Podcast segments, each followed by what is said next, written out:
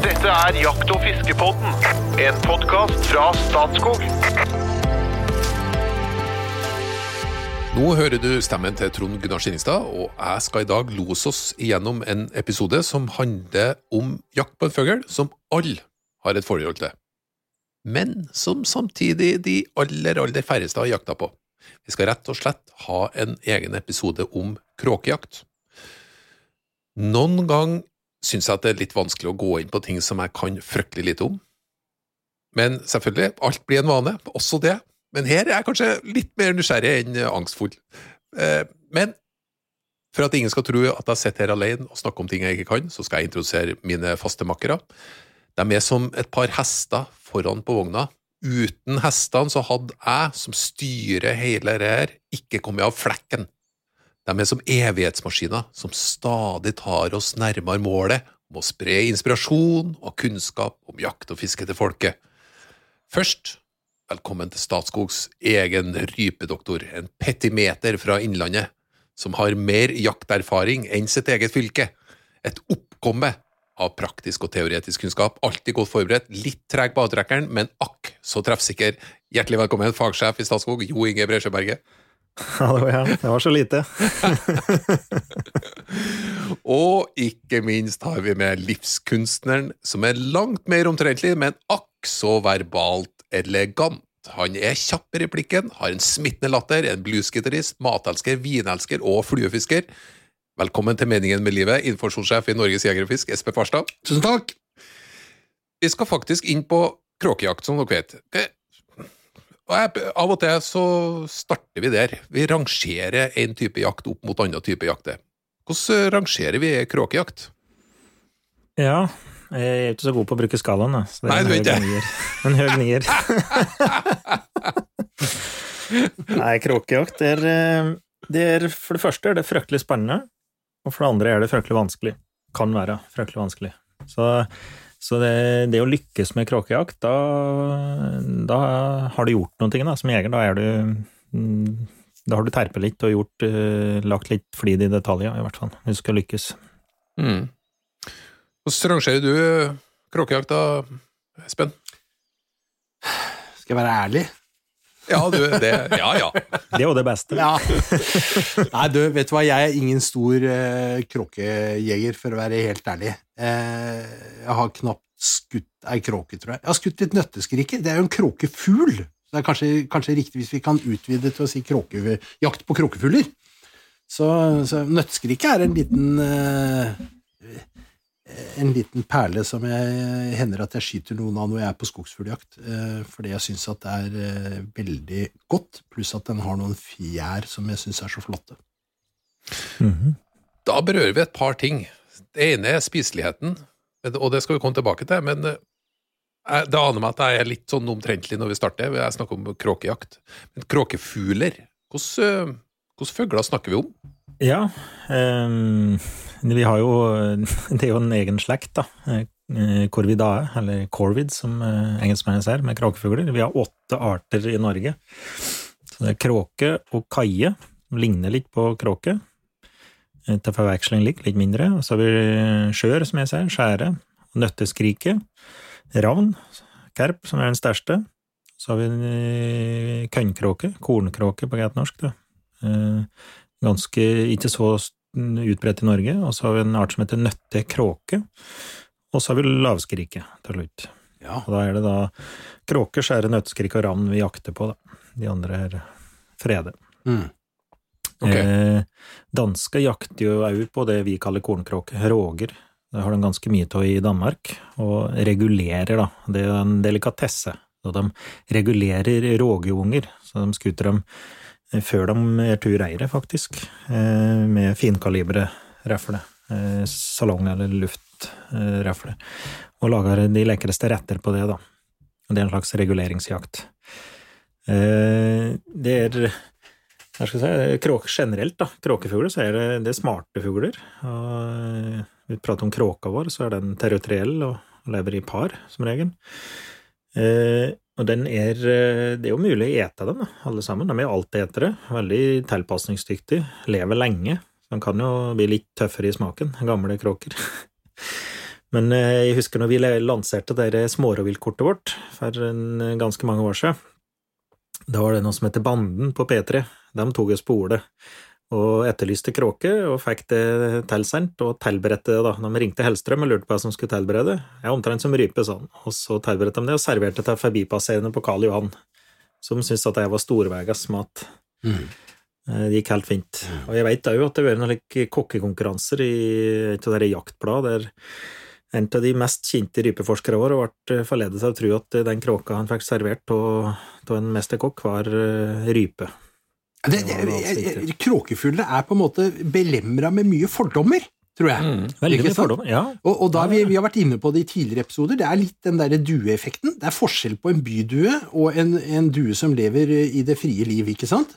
Eh, Det samme gjelder jo med ender, som vi har vært inne på i en annen episode. Det er de frie endene, holdt jeg på å si, og så er det de som lever inne i byen. Eh, Og kråkene er også belemra med dette her, at liksom, dette er søppelplassfugl, og dette er fugl som eter så mye rart, så den skal du ikke spise, liksom. Men, men skyter du en ungkråke ute i naturen, en nøtteskrike ikke minst, så er jo dette kjempegod mat, rett og slett. ja. nøt, nøtteskrike spiser en hel del av. Det er eh, kjempemat, altså. Mm. Mens kråken, eh, særlig den blir litt eldre, kan være litt, litt tøffe da, i smaken. Men sånn i motsetning til mye av den ordinære jakta, eh, så er vel kanskje, vil jeg tro, at kråkejakt, eller jakt på kråkfugl, har to ulike retninger. Det ene er altså en spennende type jakt med et smakfullt byttedyr. Det andre er den jakta som foregår nettopp kanskje rundt søppelplasser og der det er utelukkende jakta, men at fuglen ikke brukes til noe. Og eventuelt at man også kan ha skuddpremie, for det, det finnes kanskje fortsatt òg. Det, Ja. det fins skuddpremier i enkelte kommuner, eh, Ja. og det fins vel en del sånn eh, konkurranser eller tiltak som gjøres for å stimulere til å skyte og ta ut en, en kråke. For dette er jo en fugl som også er en eh, Plyndrer jo eh, reir til eh, bakkehugne fugler, som, som skogsfugl, eksempel. Så, så det er eh, Det felles jo mye kråker i Norge i et år. Altså vi, da vi snakket om eh, stokkene, så sa vi at det felles ca. 10 000 stokkender, men vi feller nesten eh, 40 000 kråker. Mm. Såpass, ja. Ja da. Og, og eh, ja, Vi skal ikke lenger til på 90-tallet, vi felte dobbelt så mange. Ja.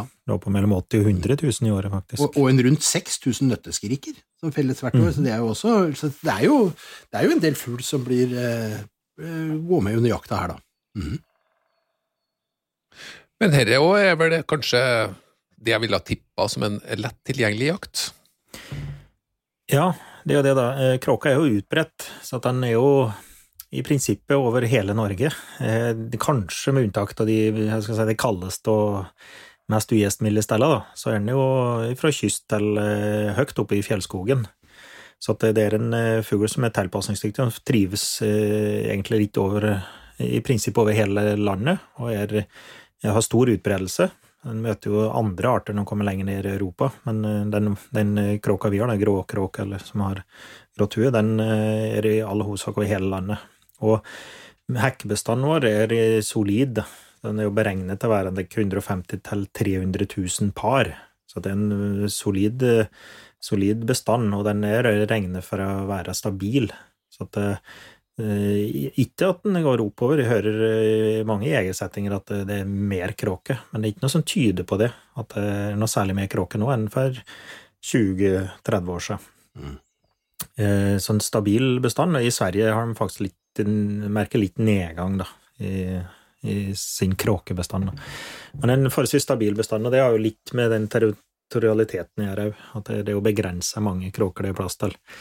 Og så er det som sier at eh, den er jo vanlig da på søppelfyllinger, og den, den er jo alltid etter, og, og tilpasser seg jo veldig kjapt til, til omgivelsene sine. Og det er klart, en, en søppelplass som det er lett tilgjengelig mat, det, er, det vil jo være en stor ansamling Men, av kråker. men det har jo også endra seg mye, Jo Inge, de siste åra. Tenker jeg på hvordan vi håndterer vår egen søppel. Nå heter det jo Ja. Nå er det jo du blir jo losa gjennom et helt system når du kommer inn med, med, med tilhengeren etter våropprydding i garasjen. Det blir ikke noe søppel lenger her nå, nå er det kildesortering, og alt blir tatt til bruk. Og det er vel bra, sett i forhold til eh, det at vi tidligere fora opp unødvendig store kråkebestander, da, kanskje med, med å bare bruke, slenge søpla rett ut?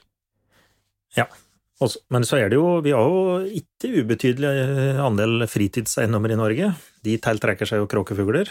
Eh, det lærer de jo.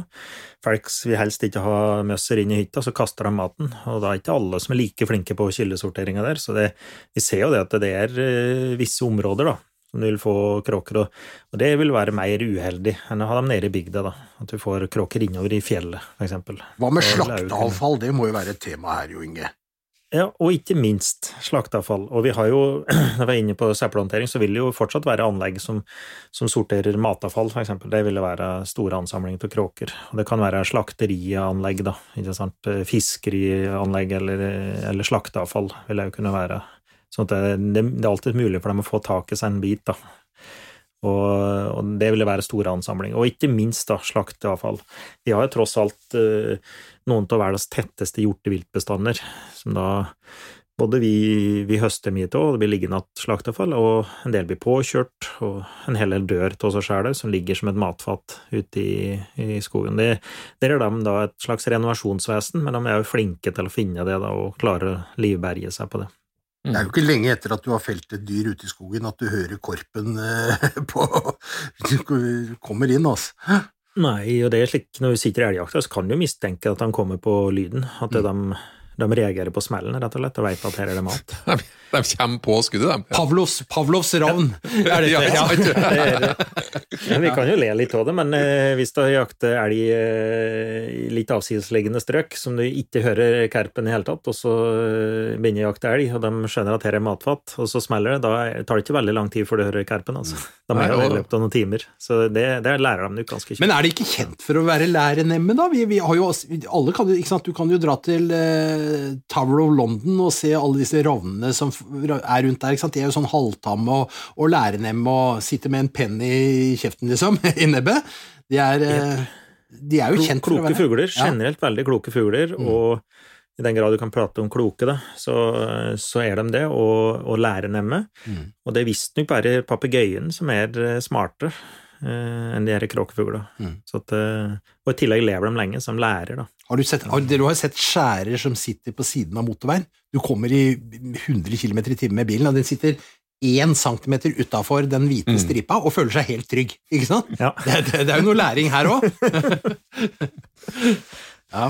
Men eh, Espen, nå snakker vi med en person som midt under sånne digitale møter kan eh, ta opp uh, kikkerten, mm. og litt, litt, etterpå så tar han opp våpenet sitt, og så skjøter han en nøtteskrike under møtet. Mm. Og det er ikke meg? Eh, det er ikke det. Det er, det er, han rypedoktoren eh, som sitter på, på, gården sin. Eh, jo Inge, når du ikke jakter under digitale møter, kan, kan ikke du ta med, oss, eh, ta med oss gjennom en sånn vanlig kråkejakt? Ja, det er, jo, det er jo litt forskjellige jakttyper, da. Selvfølgelig der òg. Mm. En ting er bifangst, vanlig jakt. Når vi jakter duer, så er det ikke ikke helt sjelden at det kommer kråker. Er du god nok på kamuflasje og det du skal, så kommer kråken òg på duejakt. Eh, så da, er det en slags bifangst. Eh, det går ned jaktene på trekk. De trekker jo til eh, nattkvarter. De sitter i spesielle trær om netta, nettkvist. Og hvis du da veit de trekkruten, så går det an å jakte dem på trekk. Det mest vanlige er ved lokkejakt, så at du lokker dem inn. Og så er det umulig å drive fellefangst på dem. Så det, jo, det jo, kan være ganske effektivt. Men da, den mest vanlige jakta, som, som, du vil se hvis du søker opp på YouTube, eller det måtte være, så er det i all hovedsak lokkejakta. Eh, da jakter vi med hubro. Kan jeg, kan jeg, bare skyte inn den der, Jo Inge? jeg må bare fortelle en historie. Jeg veit ikke om jeg har sagt den før, men den er veldig artig. For da vi skulle lage NJFF-appen så ble vi enige om at vi skulle legge inn lokkelyder i NJF-appen, og det ble jo en kjempesuksess. Det er jo mange som har dratt nytte av det. Hvordan skulle vi gjøre det? Jo, vi kontakta eh, en, eh, han Tor Ola Dæhlie, som eh, driver med, med lokkejakt i stort. Han driver et lite firma, men han er også en veldig sånn entusiast. da. Det ringte jeg til han og sa kan du komme i et studio som vi hadde på en gård ute i Asker, og så spille inn ulike lokkelyder for oss med fløytene dine? Ja ja, det kunne jeg gjøre. Og Jeg møtte opp på denne gården som, som hadde et lite studio i sidebygningen, og så kommer en bil inn på tunet, og ut kommer Tor Ola Dæhlie. Ikke en typisk jeger i kamoklær, liksom. En litt sånn derre ulenkelig høy, eh, så ut som en sånn etterlevning etter hippietida, egentlig, med 34 lokkefløyter hengende rundt halsen, som et annet indianersmykke, ikke sant? Og, og, inn i studio og begynte å spille lokkelyder, sånn som du for så vidt gjorde litt her eh, innledningsvis, Jo Inge. Så det, Altså, helt eventyrlig. Og så sitter jeg og hører på dette, og så sier jeg til han Tor Men du, Tor Ola, virker dette? Du kan, jo, du kan, jo, bare sitte her og tulle, du, for alt jeg vet. Jeg aner jo ikke om dette virker eller ikke der ute, in real life. Så sier jeg, bli med ut, altså. Så gikk vi ut på tramma, bare, på en hvilket som helst sted i Asker, på en gård på en jordekant, tok den opp en kråkelokk. Og så dro han noen noe toner på noen kråkegreier, og det er ganske høyt, det er ganske kraftig, intense greier.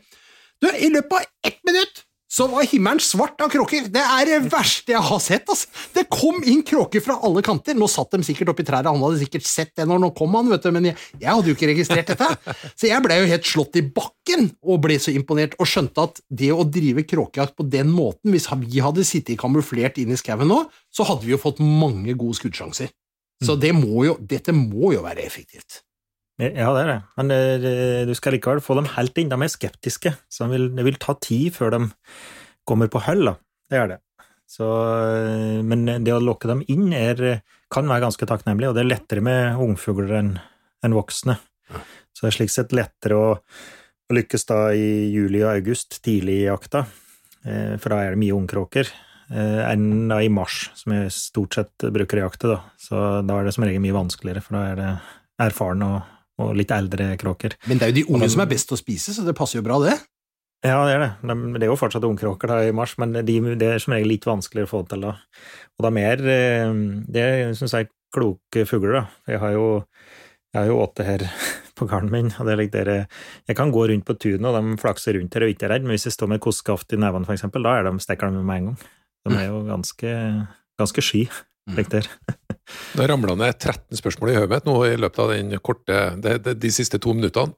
Vi snakka om jakttid. Du, du, du snakka noe om måneder her nå. Når jakter man, kan man jakte kråke? Ja, kråke har ganske lang jakttid. Kråkefugl? Eh, Nei, ja, kråke. Så, kråke, da. Den, den, starter 15. juli går ut mars. Mm. Så det er ganske lang jakttid på kråker. Mens eh, Kerpen da, den er 10. august, også ut februar, eller ut til 15. mars, samme som ryper da, i Finnmark og Troms. Skjøra Sjøra er 10.8. Eh, til eh, ut, januar, nei, ut februar, og nøtteskrik er 10.8. til ut februar, unntatt de tre nordligste fylka der den er fredet. Så det er 10.8. er liksom datoen, og så er det kråker da 15. juli. Mm. Bruker man kun hagle, eller er det både hagle og rifle? De her er jo også den tradisjonelle lokkejakta, jeg skal jo komme tilbake til den, men den er med hagle, så det er all hovedsak haglejakt. Men når jeg skutter nøtteskriker, så skutter jeg med finkaliberrefle, da er det salongrefle, da. Det er litt tips nøtteskriker og skjør, de er ganske lette å lokke inn på, på et åte. Jeg henger opp enten rester av slakteavfall, slaktet rådyr eller elgside, så fôrer jeg småfuglene mine i tillegg, og så skutter jeg unna noen skriker. Eller en liten fleskebit, så de har litt å drive på med, og så skutter jeg ned i bakken, da, så at jeg henger oppe, sitter i andre etasjen. Det kan være ganske effektivt. Effektive møter. Ja. Men tilbake til den eh, lokkejakta, så jakter vi med lyd, og mange ganger med en hubro. Det, det er fullt mulig å jakte uten hubro. Jeg vet eh, Eh, en av de aller, aller beste kråkejegere jeg har hørt om, er en danske som heter Bjarne Frost. Han, eh, han skuter ca. 2000 kråker i året. Han reiser ut hele verden og jakter kråker.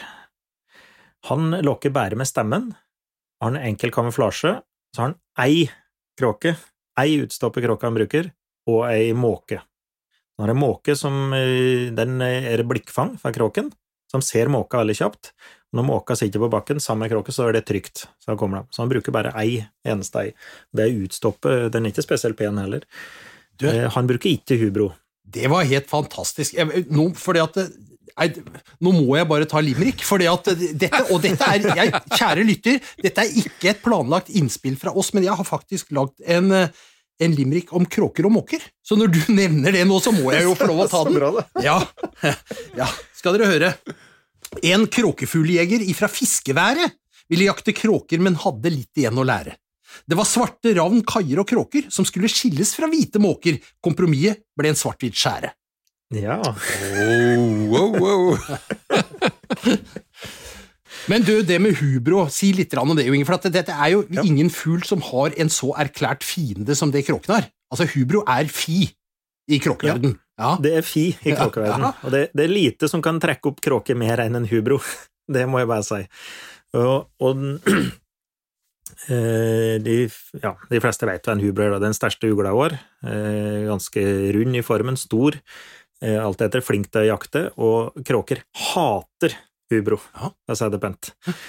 Og det, vi da, det enkleste da, er å få tak i en plasthubro. Altså det finnes jo da lokkehubroer og få kjøpt en plasthubro. Noen av dem går det an å flakse litt med venga.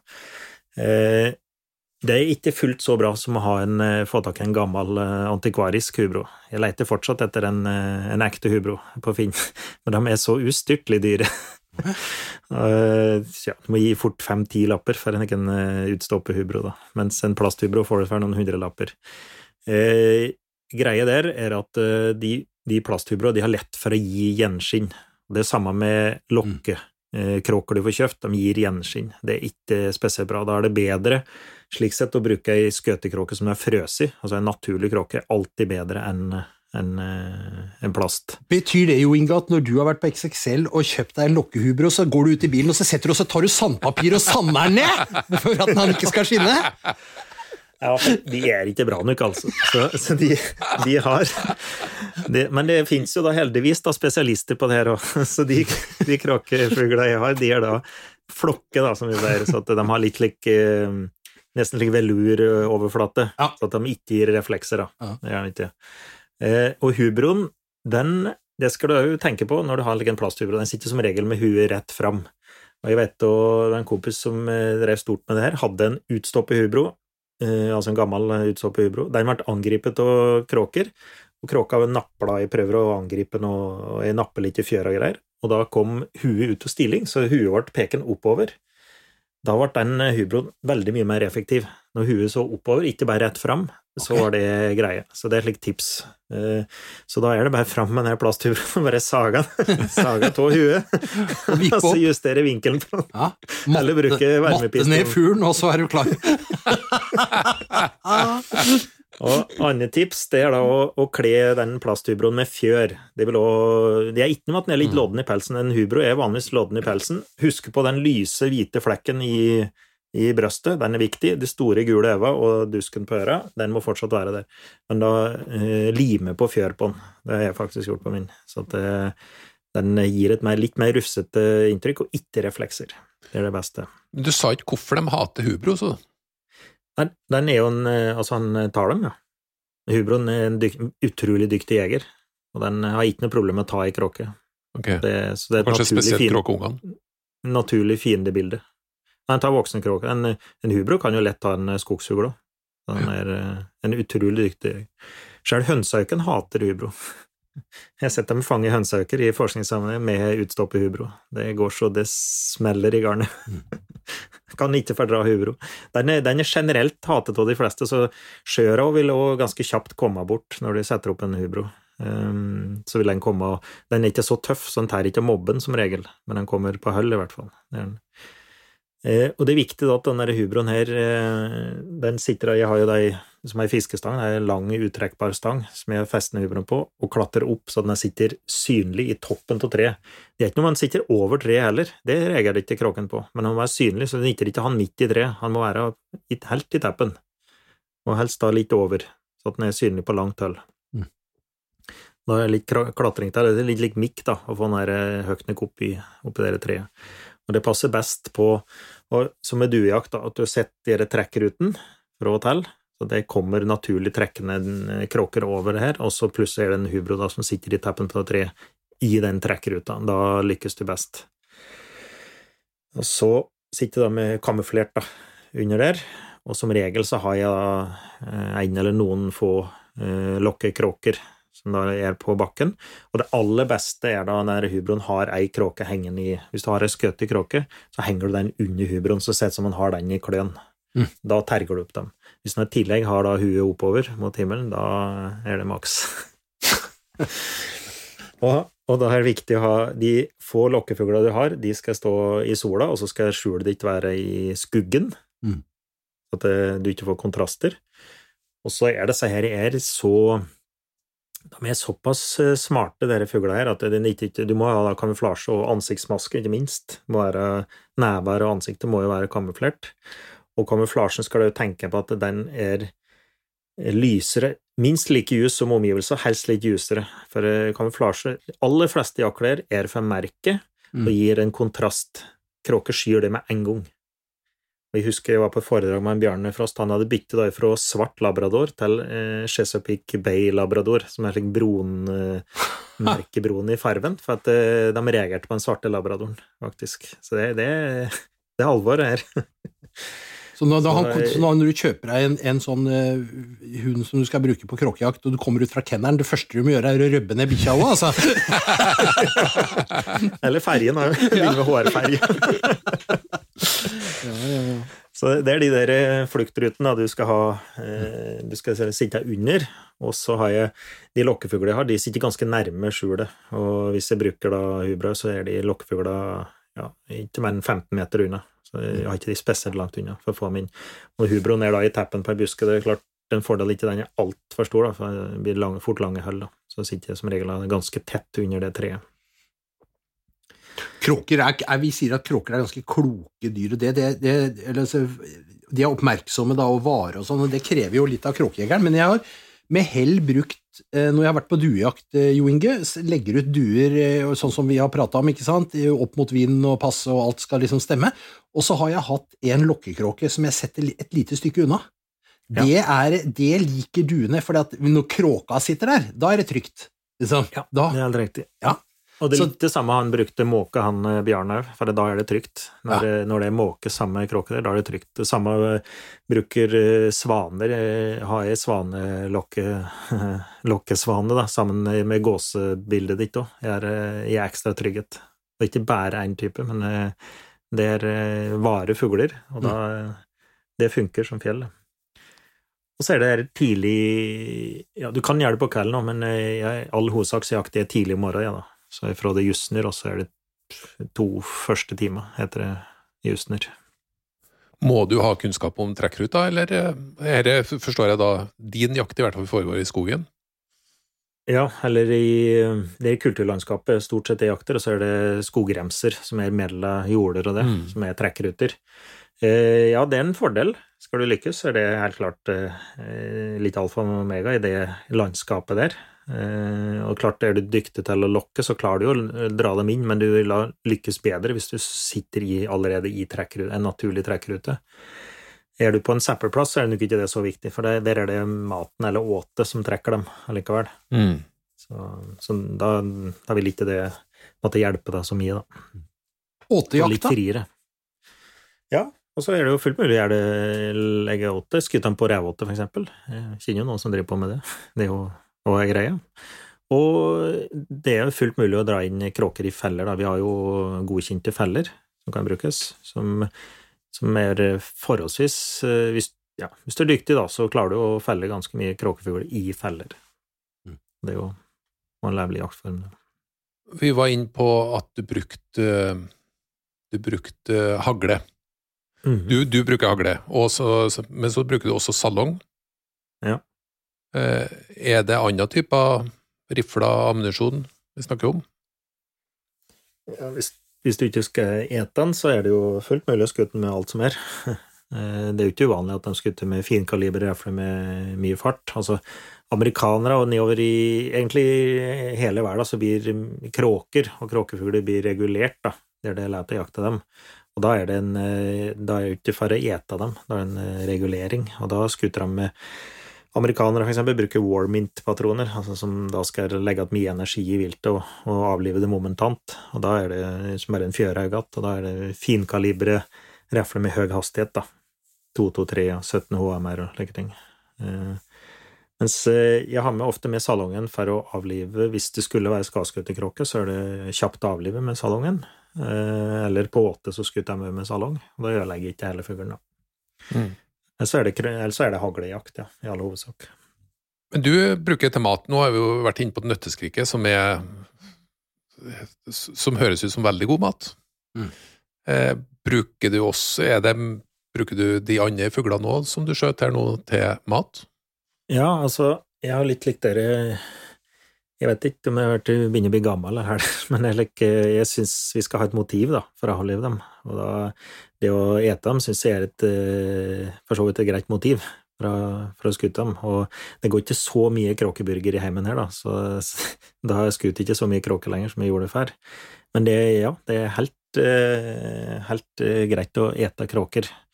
Og jeg var med jeg var konsulent for Charlotte når hun skrev viltkokebok en gang, og da insisterte jeg på at hun skal ha med da, litt ymse arter. Og da fikk hun med blant annet trost og, og kråke, den eh, boka der. Og det, hun var veldig skeptisk til å begynne med, men eh, det er en, det er en helt, grei, helt grei, det er faktisk ganske bra mat, men spesielt av unge kråker.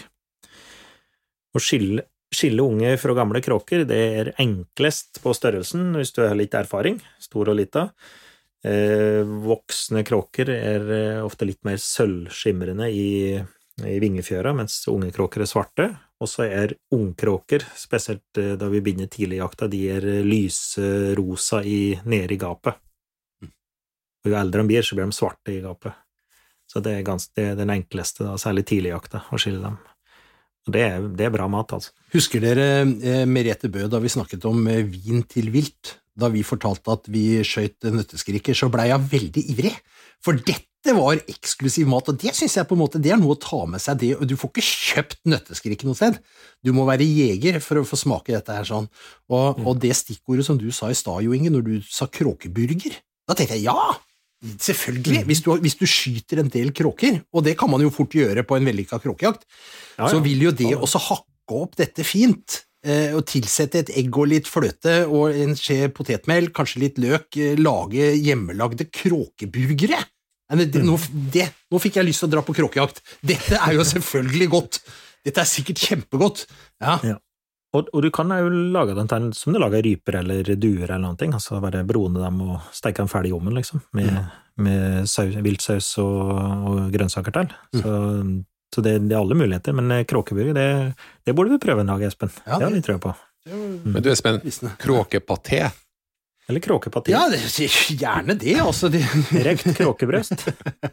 ja, kråke. Du kan jo bruke den som all annen, eh, som ja. de er med duer, eksempel, eller ja. all annen eh. jeg, jeg, jeg, ser jo den, men, men jeg bare tenkte liksom, hvis man, hvis man investerer da i i Baufil og Hubro og drar på XXL og lokkefugler og kamo. Det er mye jobb her, liksom. Så da bør jo forhåpentligvis komme noen kråker ned i sekken, da. Og hvis det virkelig kommer hjem med noen, så det å invitere naboen over på kråkeburger ja, det syns jeg hørtes gøy ut. altså. Det har lyst til. Og så verst at folk er litt skeptiske. Jeg nevnte jo den nei, der, um, konkurransen de hadde Det var vel Villmarksliv, da, den, ja. den, gangen. Så var det jo da Jeg tror det var Johan B som faktisk bomma på kråke og rype. Og så ja.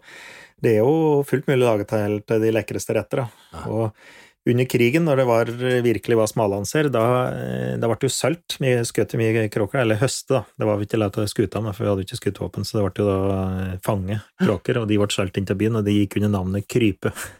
Krype, ja! Kry, krype. Akkurat.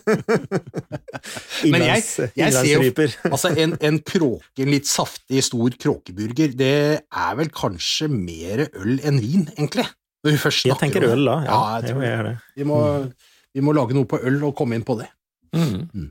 Men eh, er det fritt frem for å jakte kråke, eller må du rett og slett uh, ha et jaktkort? Du må ha grunneierstillatelse. Mm. Det må du.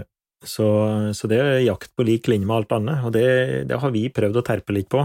Eh, det var litt av den greia når vi lagde det rå, små rovviltkortet vårt òg. Altså, få fram at det her er jakt på lik linje med all annen jakt. Um, vi fikk ufattelig mye kjeft da, at det, dette burde jo strengt tatt jegere få betalt for, og det ene med det andre, vi burde hatt skuddpremie men dette er jakt på lik linje med alt annet, og stå ikke tilbake for noe annen jakt heller. Er du, er du en dyktig kråkejeger, da lykkes du i hvert fall på duejakt, Mm. og, er og her det måtte være. Og de fleste Det, det er jo sjelden noe, noe rift om eh, kråkejakt så det er vanskelig å slippe til. Så det, jeg har ikke opplevd å få et nei til jakt til kråker, om jeg har spurt grunneiere, eller hvis det har vært i, så er det i all hovedsak så er det med i andre korttyper, da. Men nå har det jo blitt vanlig etter hvert å ha smårovviltkort, sånn at kråke er med, med på de, og det, det har jo vi òg. Gjester på Statskog 100 kroner, har tilgang hele året på eller så, Og- lenge det ja. er jakttid, da. Mm. Overkommelig pris. Eh, hvis du ikke har eh, føler deg trygg nok etter gjennomgangen til Jo Inge, kan du selvfølgelig se litt på YouTube og få noen gode triks der, men av og til så kan det være greit å gå ut med ei gruppe. Har dere introjakter for kråkejakt i NJFF, Espen? Ja, det har vi. Eh, over flere steder i landet har vi det. Eh, det er eh, Jeg sitter med ett foran meg her på PC-en her nå, bare for å jeg måtte sjekke, liksom. Og vi arrangerer kråkejaktkurs med lokkehubro og lokking for hagleskyting. I Sortland var dette, da. Sortland er jo jeger og fisk der oppe. Sånn at eh, det er, eh, det er muligheter for å komme og lære i et trygt kråkejaktmiljø. Og, og hvis det ikke er i din lokale forening, så er det faktisk noe det går an å sperre om. Så jeg skulle ikke forundre meg om de faktisk lager og legger til rette for det. For det, kråkejakt det er det noe som blir drevet med litt over hele landet. Så det, det finnes det folk som er gode på overalt, faktisk. Men hvis jeg, nå skal jeg, jeg skal ikke prøve å oppsummere alt, men det er noen, det er noen ting som er litt interessant. Dette er en jakt som kanskje krever litt ekstra av jegeren. Det er en krevende jakt. Det er særdeles undervurdert eh, mat. Eh, og både jakta og maten har en betydelig lavere status enn den kanskje burde ha. Fordi at det henger med noen søppelplassbilder. Når, I det øyeblikket vi snakker om eh, naturens renovatør, så får vi det søppelplassbildene. Mm. Det er mitt inntrykk etter jeg har hørt det her. Så jeg, det, ja, jeg er ikke Det enig. er mytiske fugler, ja. Det er mytiske fugler, og forbønnene i det, litt, litt som dere byduen som Espen pratet om i stad. Det er eh, kråker, liksom litt søppelfylling og litt Og det, i gamle dager så varsla de død, og fordervelse, og det, det var liksom Hva skal jeg si? Det, det er ufortjent dårlig røkte. går igjen i hele veien. Ja. Se, tenk, deg, tenk deg se på en litt sånn derre tegnefilmgreie fra ikke sant? Det var Kråke, det er, det er den skumle gjengen, det. Ikke sant? Som Ja, er henger på hjørnet inne i byen. Og, ja, altså, de har på en måte et sånn der standing i kulturen og overalt som, som ikke teller til deres fordel, også. Det må jeg si. Mm. Og, og vi som jegere skal heller ikke overdrive betydningen, da. For det er det jeg har hørt nok en gang. Det er liksom bare å høste noen kråker, så får du mer eh, skogsfugl. Så enkelt er det ikke. Den rollen som reirøver og predator er, er nok overdrevet blant jegere. Den er der, men den er nok litt overdrevet.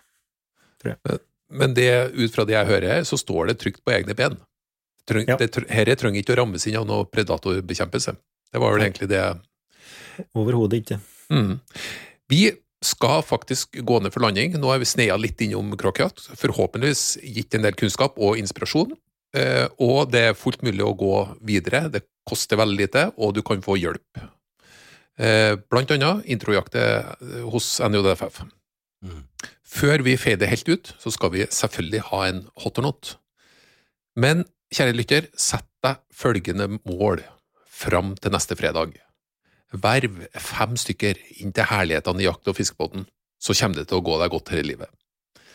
Da har jeg gjort mitt beste på å prøve å lage noen sånn eh, hot or not med litt friksjon. Prøv igjen. Og klar? Ja. Mhm. Fasanjakt, hot or not? Hot. Ja, jeg må si hot. Å ja. Gåselever, hot or not? Hot. Hot. Ja, ikke politisk korrekt overhodet. Bilprodusenten Ford, hot or not? Not. Not. Festeavgift, hot or not? Not. Hot, skal jeg si da. Bladet Vi Menn, hot or not? Hot. Fins det lenger? Og siste fra DD-albumet Nå går det så det suser fra 2007, og låta epp, epp, epp, epp, epp, epp, Hit, men ikke lenger. Hot or not? Det var hot på alle sammen, inkludert kråka til en Jo Inge. Hjertelig velkommen tilbake neste fredag.